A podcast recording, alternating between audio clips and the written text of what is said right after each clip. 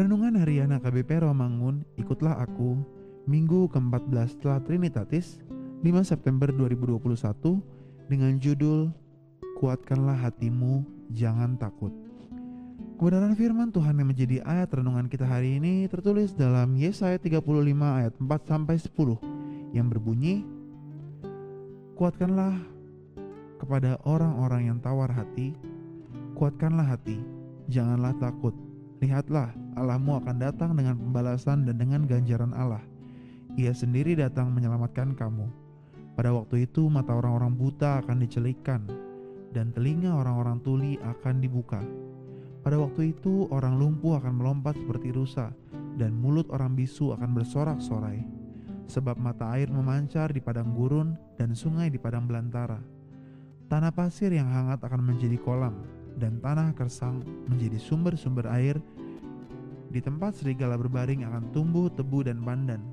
Di situ akan ada jalan raya yang akan disebutkan Jalan Kudus.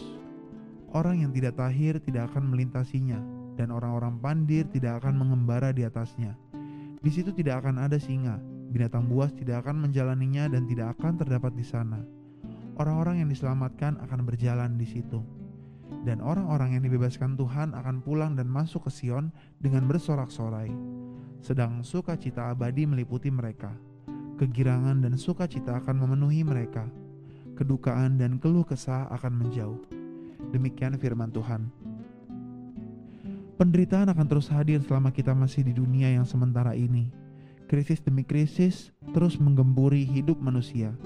Itulah sebabnya manusia mulai mendurhaka terhadap Tuhan dan sesamanya, bahkan kepada diri sendiri.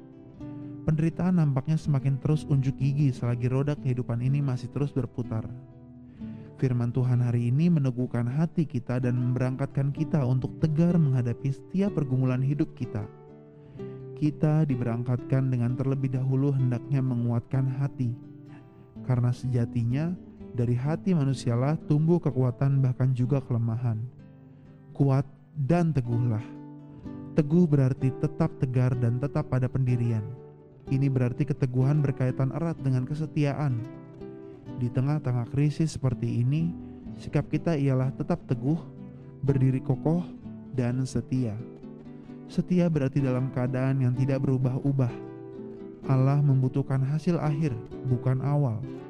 Janganlah melihat betapa besarnya masalah yang kita hadapi, tetapi marilah mulai menyadari bahwa Tuhan kita sangatlah besar dan sangatlah sanggup untuk menguatkan diri kita menghadapi setiap pergumulan. Karena Allah adalah Maha Kuasa yang akan menyelamatkan setiap orang yang hendak meneguhkan hatinya dan bergantung hanya kepada Dia. Marilah kita mulai menyadari bahwa Allah di dalam Kristus telah menebus kita dari dosa dan memberikan keselamatan kepada kita orang yang dikasihinya.